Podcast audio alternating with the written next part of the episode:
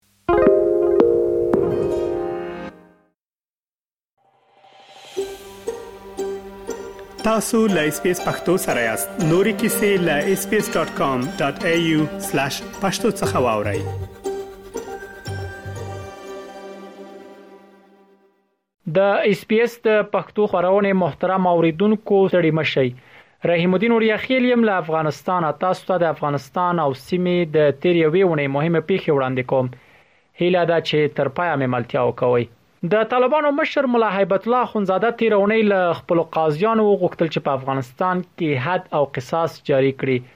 د طالبانو ویاند ذبیح الله مجاهد وویل چې د دوی مشر دغه غوښتنه له قاضیانو سره په لیدنه کې وکړه ذبیح الله مجاهد د طالبانو د مشر مولا هیبت الله اخونزاده له قوله لیکلی ول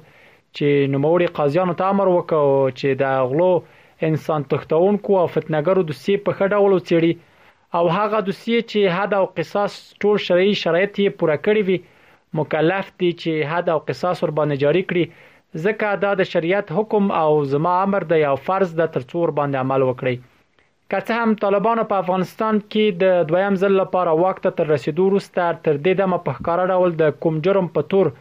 څوک په عام محضر کې نه دی قصاص کړي خو په تېر یو کال کې په ځینو ولایتونو کې د اختطاف په تور د ځینو وژل شویو کسانو جسدونه په څلورلارو کې زړولي او د غلا په تور د نیول شویو کسانو مخونه تور کړي او په لارو کوڅو یې ګرځولي دي طالبانو د واک په لومړۍ دوره له 1999 تر 2001 کال کې هم حدود او قصاص اجرا کاوه او له دې کبله په نړۍ کې له ډیرو انتقادونو سره مخ وو خو نړیواله ټولنه او د بشري حقونو ملاتړي بنسټونه پخوا او اوس هم د قصاص او غلا په تور د نیول شویو کسانو د لاسونو پرې کولو سره مخالف دي. طالبانو د دوه زره یوویشتم کال د اګست په پنځلسمه د واک له ترلاسه کولو وروسته په افغانستان کې خپل شرعي نظام اعلان کړ، خو تر دا مهاله هېڅ یو هېواد د دوی حکومت په رسمیت نه دی پېژندلی.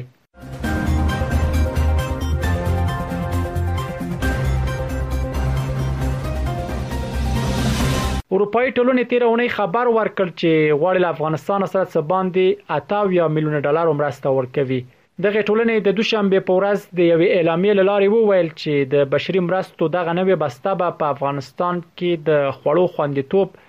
د طبیعي پېښو له امله زیانمن شویو کسانو ته د مرستو برابرولو او په ژمي کې د خلکو د اړتیا په برخه کې ولګوي. اروپايي ټولنې وویل چې اوس مهال افغانستان کې شاوخوا څلور ویشت میلیونه کسان بشري مرستو ته اړتیا لري. یاده ټولنې وویل چې د افغانستان سربېره ایتوپیا، نایجریا، جنوبي سودان، سومالیا او یمن هم د لوږې له خطر سره مخامخ دي او دغه هېوادونه بشري مرستو ته اړتیا لري. اروپايي ټولنې په دغه هیوادونو کې د خوړو خوندیتوب لپاره 210 میلیونه یورو مرسته په نظر کې نیولې چې یوازې 15 میلیونه یورو یې د افغانستان لپاره ځانګړې کړې ده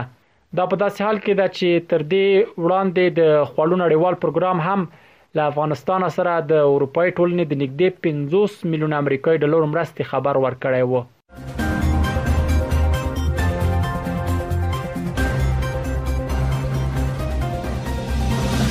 په افغانستان کې یو شمېر خزینه فعالانو د خپل حقونو د اعاده په مخه تیرونې په یو تازه ګام کې د ملګرو ملتونو امنیت شورا ته لیکونه ولېګل د دغو ښځینه فعالانو چې شمېر یې سل تنه دی په جلا جلا توګه د ملګرو ملتونو امنیت شورا ته لیکونه واستول چې په هغه کې افغانستان کې د ښځو په وړاندې د روان وضعیت روایت بیان کړی البته په دې لیکونو کې پر ښځو جنسي تیری د دوی هدفي وژنې سنګسار او وهل په خپل سری توګه د ښځو نیول جبري او کم عمره ښځو ودول اجباري حجاب د ښځو پر مخ د ښوونځیو بندول حمامونو او تفریحي ځایونو، پارکونو، ته د ښځو پر تګ بندیز هغه موارد دي چې د لیکونو له مخې دا مهال افغانستان کې ترې سرغړونه کېږي. د دې لیکونو لیکونکو له رسنیو سره په خبرو کې وویل چې له دې کاره یې موخه په افغانستان کې د ښځو پر وړاندې د حاکم وضعیت په اړه د ملګرو ملتونو ته خبراوی دی. دوی په خپلو لیکونو کې د ملګرو ملتونو له امنیت شورا غوښتي چې سملاسي دې افغانستان کې د ښځو وضعیت په اړه لاس په کار شي تر اوسه طالب چارواکو د دغه لیکونو په اړه څه نه دی ویلي خو وړاندې تل دا په ډاګه کړې چې د شریعت په چوکاټ کې د ښځو حقونو ته ژمن دي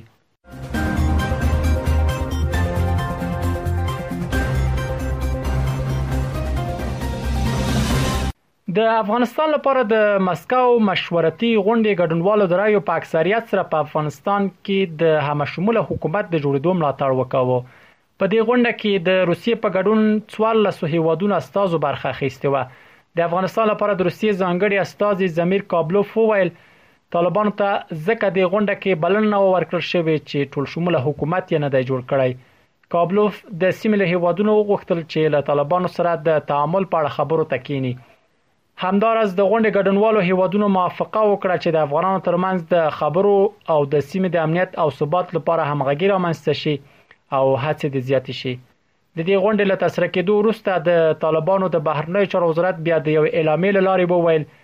چې حکومت یې یو وار بیا له ګاونډیو، سیمې او نړۍ له هېوادونو سره د مثبتو اړیکو، اقتصادي پرمختګ او ډاډمن امنیت په ګډون په ټولو برخه کې پرمختګونو او سمون ته خپله ژمنتیا په ډاګه کوي. تر دې غونډې مخکې طالبانو ویلي وو چې د دوی له ګډون پرته به دا غونډه بشپړه نه وي.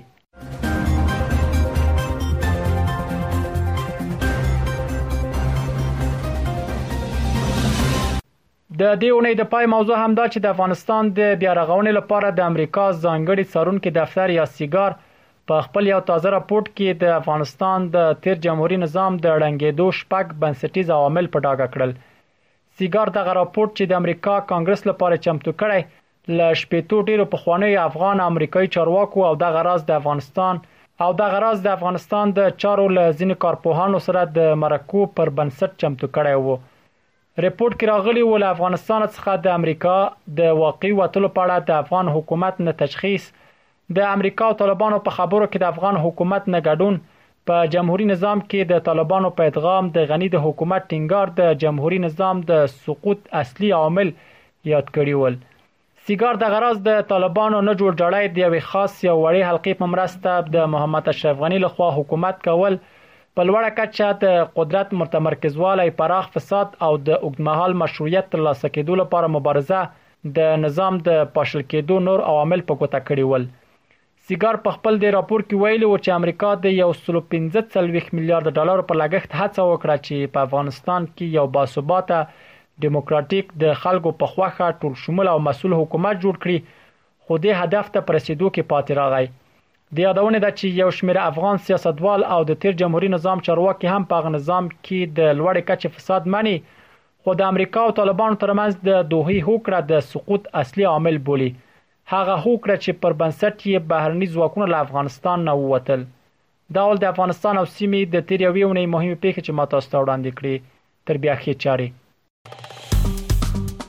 اس پی اس پختو په فیسبوک کې تا کې پلی مطلب یو فاک کړئ نظر ور کړئ او له نورو سره شریک کړئ